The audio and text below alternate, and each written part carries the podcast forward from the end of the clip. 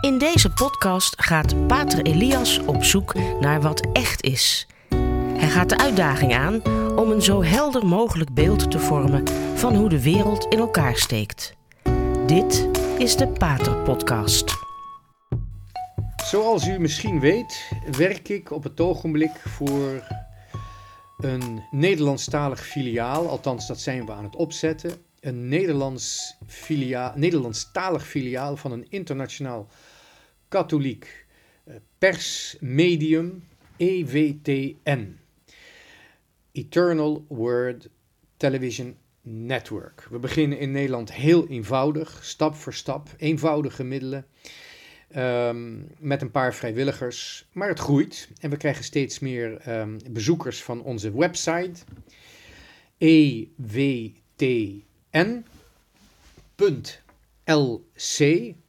Zoekt u het maar na.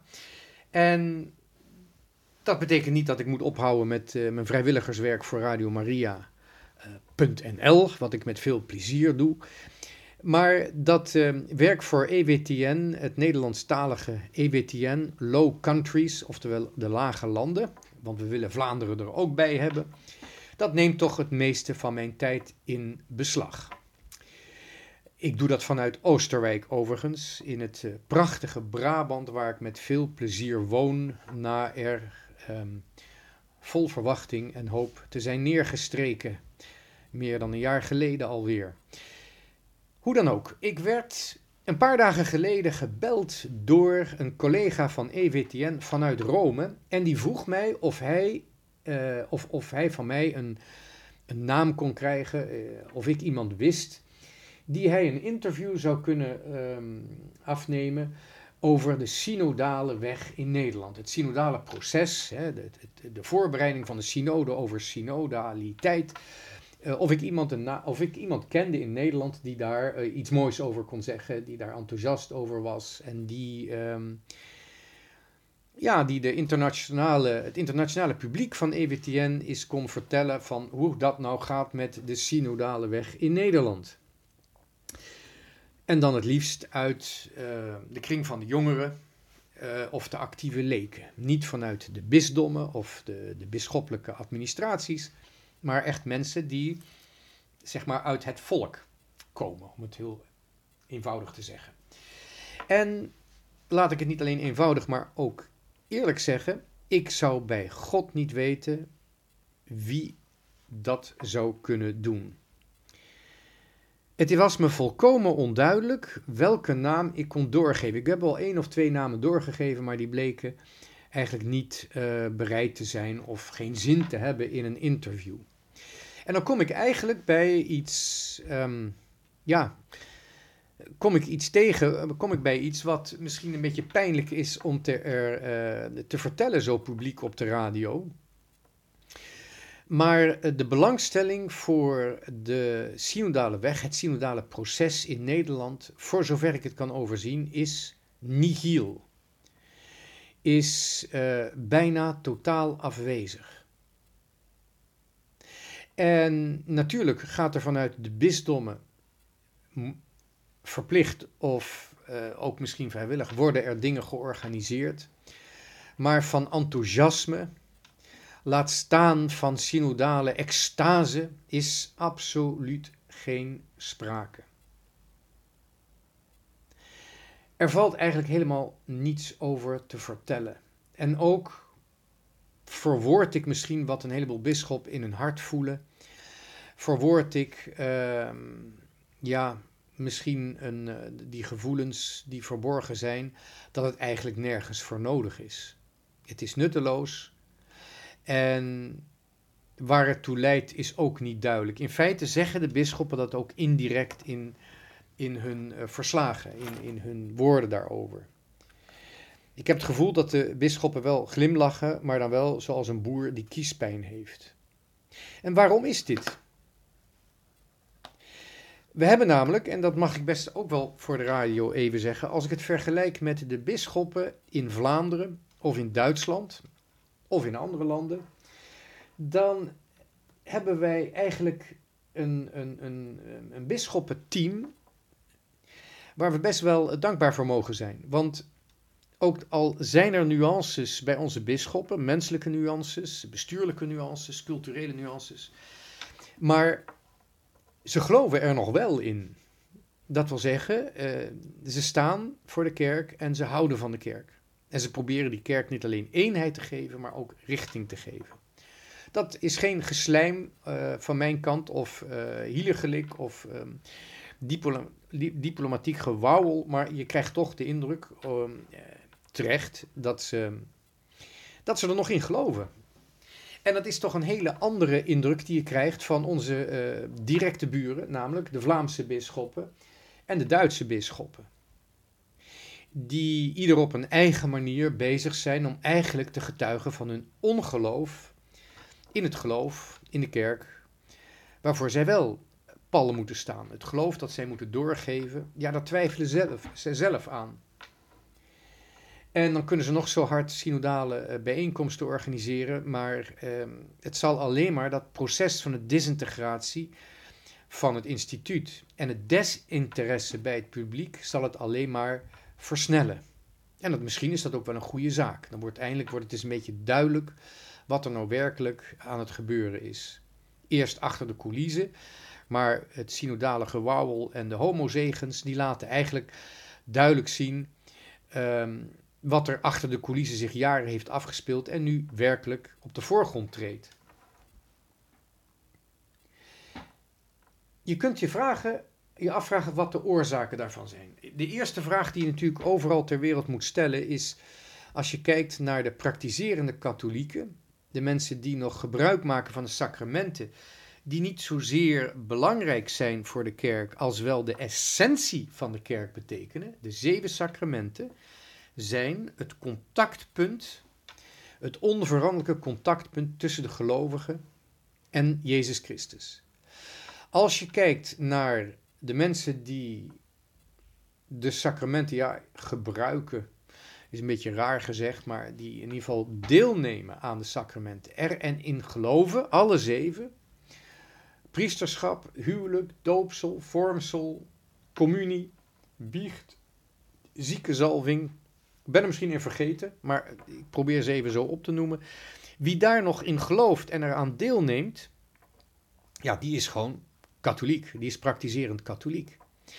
En ja, dat wil ook een getrouwd echtpaar deelt, neemt deel aan het priesterschap, namelijk um, door uh, ten eerste deelnemen deel te nemen aan de Eucharistie die door de priester wordt opgedragen en vervolgens door zichzelf als een levende hostie in het leven uh, in dankbaarheid aan God toe te wijden. Ja, dat heeft Paulus al verteld in zijn brieven, dus wat dat betreft uh, kunnen we ver teruggaan naar het begin van de kerk. Maar goed, als ik kijk naar die praktiserende uh, katholieken, hoeveel daarvan nemen echt actief deel aan de synodale weg? Hoeveel hebben er zin in? En hoeveel nemen daaraan deel puur en alleen om, um, ja, om toch ook een gelovig geluid in de synodale weg te laten horen? Want wat er naar buiten treedt en wat er vaak wordt verteld, is dat er toch wel erg veel mensen zijn die willen dat de leer van de kerk veranderen. Maar zijn dat mensen die ook werkelijk praktiseren, die er nog in geloven? Of zijn dat mensen die met de maatschappij mee willen lopen, met de cultuur willen meelopen, of die gewoon gezelligheid willen bij de parochiële bijeenkomsten. Dat wordt nu allemaal langzamerhand, ja, blijkt dat. En de belangrijkste vraag over die synodale weg is dus niet zozeer wat is er uitgekomen uit die gesprekken, maar wat is het percentage van praktiserende katholieken die actief deelnemen aan dat synodale proces. Het is de vraag die niet gesteld, vaak niet gesteld wordt, of die men niet durft te stellen, omdat dat een uitermate laag percentage is. Niemand heeft er echt zin in. Althans, niemand van de mensen die er nog in geloven heeft er echt zin in. Of vindt het ook echt nodig. En natuurlijk is het sleutelwoord luisteren. We moeten luisteren naar de mensen. Maar ja, het is natuurlijk heel vreemd om een soort van kunstmatig luisterproces op te zetten als uh, door het gewauwel in de kerk al uh, de meerderheid van de mensen de kerk is uitgejaagd. En dan kom je dus kom je terecht bij de toch wel enigszins unieke situatie in Nederland, waar, waarom de hele synodale weg bij ons um, niet alleen weinig mensen uh, aantrekt, maar ook nog eigenlijk weinig controverses oproept. Het is stil aan het synodale front in Nederland. Hoe komt dat? Waar ligt dat aan? En het antwoord daarop is helemaal niet zo ingewikkeld. Wij hebben in die zestiger jaren hebben we dat synodale proces al gehad. En we zien de gevolgen daarvan, die hebben we gezien, die kunnen we nog steeds zien. Hier is het al jaren voorbij. Hier is het oude koek. Hier is het een, een, een, een, een uh, ja, hoe zou je het kunnen zeggen? Het is een, uh, een, een, een, Engelse kerstpudding die in de grond is gestopt en die uh, twee maanden geleden, na twee maanden uit de grond had moeten komen. zo gaat dat, een heel apart recept, maar we zijn hem vergeten. En die kerstpudding, um, ja, die is toch wat ranzig geworden de laatste 40 jaar. Het synodale proces in Nederland is al jarenlang beschimmeld, omdat het al heeft plaatsgevonden en het heette het Pastoraal Concilie in Noordwijkerhout. Daar hebben we gezien hoe een schijndemocratie opgezet door theologen die er niet meer in geloofden, plus bureaucraten die van tevoren al wisten wat de uitkomst moest zijn, die hebben dat dat die bijeenkomst met die even onnozele als pretentieuze titel Pastoraal Concilie, die hebben dat georganiseerd en gemanipuleerd. En we hebben gezien wat voor um, gevolgen ervan zijn. Met als belangrijkste gevolg, gevolg dat de bisschoppen, die er waarschijnlijk in die tijd nog wel in geloofden, geen zin meer hadden om een autoriteit uit te oefenen. Het volk is in de steek gelaten. Het gelovige volk. De mensen zijn de kerk al lang uitgevlucht. En voor hun is het geloof niet zozeer uh, te ouderwets geworden, of verkeerd, of het moet veranderd worden. Nee, voor de meerderheid van de mensen, als gevolg van het pastoraal concilie in Noordwijkerhout, is het geloof irrelevant geworden. En dus zijn ze ook echt na 40 jaar niet meer te interesseren voor een synodale weg. De mensen die nog wel in de kerk zitten, die weten donders goed wat luisteren is. Dat doen ze al 40 jaar. En proberen, ondanks de geluiden die ze horen, het geloof te behouden. En de mensen die niet meer in de kerk zitten, die luisteren ook al jaren naar wat plaatsvervangende vormen van geloof zeggen. Of het nou de Boeddha-beeldjes zijn in de vensterbank. En die zeggen niet zoveel. Dus daar kun je het ook niet mee oneens zijn. Of ze luisteren naar wat de media zeggen. Of ze zitten op YouTube. Er zijn genoeg media. Er zijn genoeg middelen. Die de leegte kunnen opvullen. Die de Nederlandse synodale weg in de zestiger jaren heeft achtergelaten. Het is dus mosterd niet zozeer na de maaltijd, maar het is mosterd nadat degenen die de maaltijd hebben gegeten al lang overleden zijn. En misschien is dat moeilijk om dat eerlijk zo te zeggen, maar het mag wel gezegd worden. En ik zeg het ook niet uit afgunst, maar uit respect voor alle mensen die met dat proces meedoen of mee willen doen uit goede wil of uit ambtelijke plicht, maar die toch, ook al is het maar ergens achter in de kleine teen, aanvoelen dat het eigenlijk volstrekt weggegooide tijd is. Ik wil even eindigen met de term luisteren. Er zijn van die termen die op een gegeven moment ingeburgerd raken op een hele ideologische manier. Een voorgekoude manier. En de term dat we moeten, of de oproep dat wij moeten luisteren, meer moeten luisteren, dat is een cliché aan het worden. En nou heb ik misschien een wat grote mond. Ik ben ook geen makkelijk karakter. Er is ongetwijfeld een heleboel op mij aan te merken. Maar ik wens niet en ik weiger ervan beschuldigd te worden dat ik de afgelopen 30 jaar te weinig geluisterd heb. Ik heb me in een echt een taak die ik ook als een opgave uh, vind, namelijk biecht horen.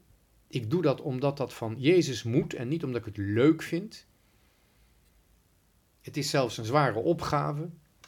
En zeker in mijn jaren als almoezenier in de Litouwse gevangenis was biecht horen niet echt prettig. Iemand een moord vergeven of een verkrachting, dat is niet echt iets wat je doet voor de lol. Maar ik heb wel geluisterd. En ik heb al juist daar, omdat ik goed luisterde, heb ik beseft hoe bevrijdend de onveranderlijke, orthodoxe, door Christus aangegeven en door apostelen doorgegeven katholieke leer is. Het is inderdaad net zo pijnlijk als een splinter uittrekken, de zonde aanwijzen, maar uiteindelijk is er de genezing, is er de vergeving. Ik weet, omdat ik geluisterd heb, ja, geachte organisatoren van de Synodale Weg, ik heb al 30 jaar geluisterd naar wat de mensen mij vertellen, met name in de biecht, wanneer ik wel moet luisteren, omdat het de moed van Jezus. En ik heb zelf ervaren met mijn ogen gezien hoe bevrijdend het is om zonde te bekennen en vergeven te worden. Ik heb inderdaad met alle vormen van zonde te maken gehad in mijn biechtgesprekken. En ik heb gezien dat wanneer de kerk zegt dat homoseksualiteit niet normaal is, niet natuurlijk is, geen paniek in de tent, maar overal is genezing en vergeving voor mogelijk. Ik heb gezien dat abortus het innerlijke leven van zowel de man als de vrouw die vader had kunnen worden, dat het innerlijke leven daar één grote uh, storm wordt. Het wordt verwoest, maar het kan genezen door de vergeving. Ja, geachte organisatoren van synodale wegen. En inderdaad, theologen of zelfs kardinalen, zoals de kardinaal van Luxemburg, Hollerich, die vinden dat de leer van de kerk veranderd moet worden. Ik wil alleen maar bevestigen dat die leer niet veranderd moet worden, omdat daarmee de bevrijding van de ziel onmogelijk wordt. Jullie die de leer van de kerk willen veranderen en om dat te rechtvaardigen, allerlei pseudo-democratische processen organiseren, die jullie manipuleren door bureaucratie en administratie. Jullie zijn bezig om zielen op te sluiten, op te sluiten in de zonde, van wat voor aard dan ook.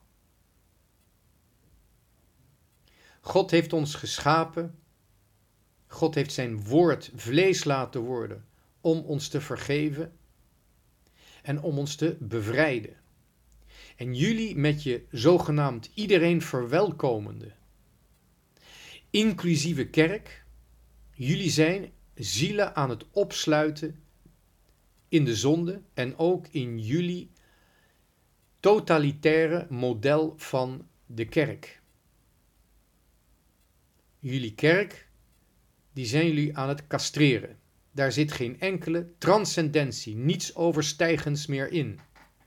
Het is een horizontale kerk die al jarenlang irrelevant is voor mensen die hun leven een richting willen geven. Voor mensen die verder willen kijken dan de dood, maar ook verder willen kijken dan hun eigen emoties, hun eigen gevoelens, hun eigen begeerten. Er zijn normale mensen die met beide benen op de grond hun dagelijks leven moeten verdienen, die een familie moeten opvoeden. En die mensen zoeken naar echte transcendentie. Die willen het kwaad in hun eigen leven overwinnen. En die hebben dus een liefhebbende, maar duidelijke autoriteit nodig die de zonde aanwijst. En die ook de vergeving van de Verlosser kan doorgeven. Met die pseudo-democratische, zogenaamd synodale weg, zijn jullie die zielen aan het verraden. Er is een Duitse bisschop, Batzing, die een of andere, sorry dat ik het zo zeg, geflipte theoloog citeert door te zeggen dat theologie is onder, dat religie is onderbreking, interruptie, onderbreking. Niets is minder waar. Religie is het herstel van een verband. Dat betekent het woord ook religio, herstel van een verband. Het is de zonde die een onderbreking is. Het leek aanvankelijk een afbreking te zijn, een definitief einde. Door Christus, doordat wij verlost zijn, blijkt zonde een onderbreking te zijn geweest. Dat wil zeggen, iets is kapot gegaan en daarna is het hersteld. Niet religie, maar de zonde is een onderbreking. En religie is een herstel van een verbinding, maar wel met een God, met een overstijgende almacht die ons geschapen heeft en die ons wil verlossen als we daar zelf aan meewerken. Zeggen dat, zoals een grote, een hoge uh, autoriteit, laat ik zo zeggen, een grote machthebber van de kerk, in Duitsland heeft gezegd. Religie definiëren als onderbreking, dat is verraad aan alles wat enigszins overeind wil staan in deze wereld. Met andere woorden, deze uh, prelaat van de kerk heft zijn eigen autoriteit op. Hij gooit het weg alsof het een een verrotte post met mosterd is. Blijven we trouw aan het geloof en testen we daarbij altijd of we vreugdevol blijven. Want vreugde is het bekendste symptoom, het duidelijkste, meest kenbare symptoom van de naaste liefde. Als we onze vreugde verliezen, is dat een teken dat er iets mis is met onze naaste liefde. Dan zijn we te bitter geworden. Realistische naaste liefde produceert automatisch vreugde. En daarom kunnen we ook met een vreugdevolle blik zien wat er niet klopt. Kunnen we met een vreugdevolle inzet niet meedoen aan wat nergens toe leidt. Het is in ieder geval al te voorzien dat wat er nu gebeurt in de kerk uiteindelijk een zuiverende invloed zal hebben op ons geloof, zodat we weer vreugdevol kunnen leven van de sacramenten, wat ook de beproevingen zijn die God toelaat om ons geloof te sterken, om het te zuiveren. En één ding, daar kun je zeker van zijn.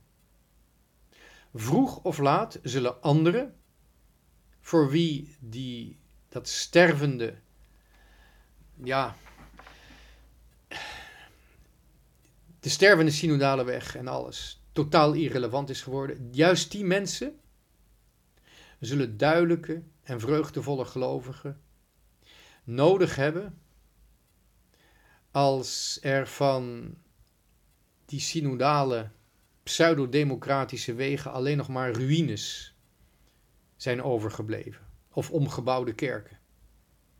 Het is niet erg om nu tegen alle wereldlijke stromingen in, het geloof te bewaren en je alleen te voelen. Zolang je maar je naaste liefde blijft testen door de vreugde.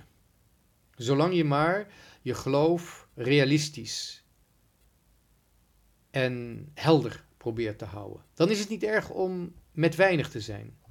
Er komt een tijd dat al die massa mensen die, voor wie Christus eigenlijk onbereikbaar is geworden, door al het oude hoer wat er is geweest in deze wereld, er komt een tijd dat die mensen ons nodig hebben. En dan, door te luisteren, zullen we begrijpen op welke manier wij Christus kunnen doorgeven, van Christus kunnen getuigen. De toekomst, daar hoef je niet optimistisch over te zijn. De toekomst, die kun je met hoop tegemoet zien. Christus heeft al overwonnen. Waar doen we moeilijk over?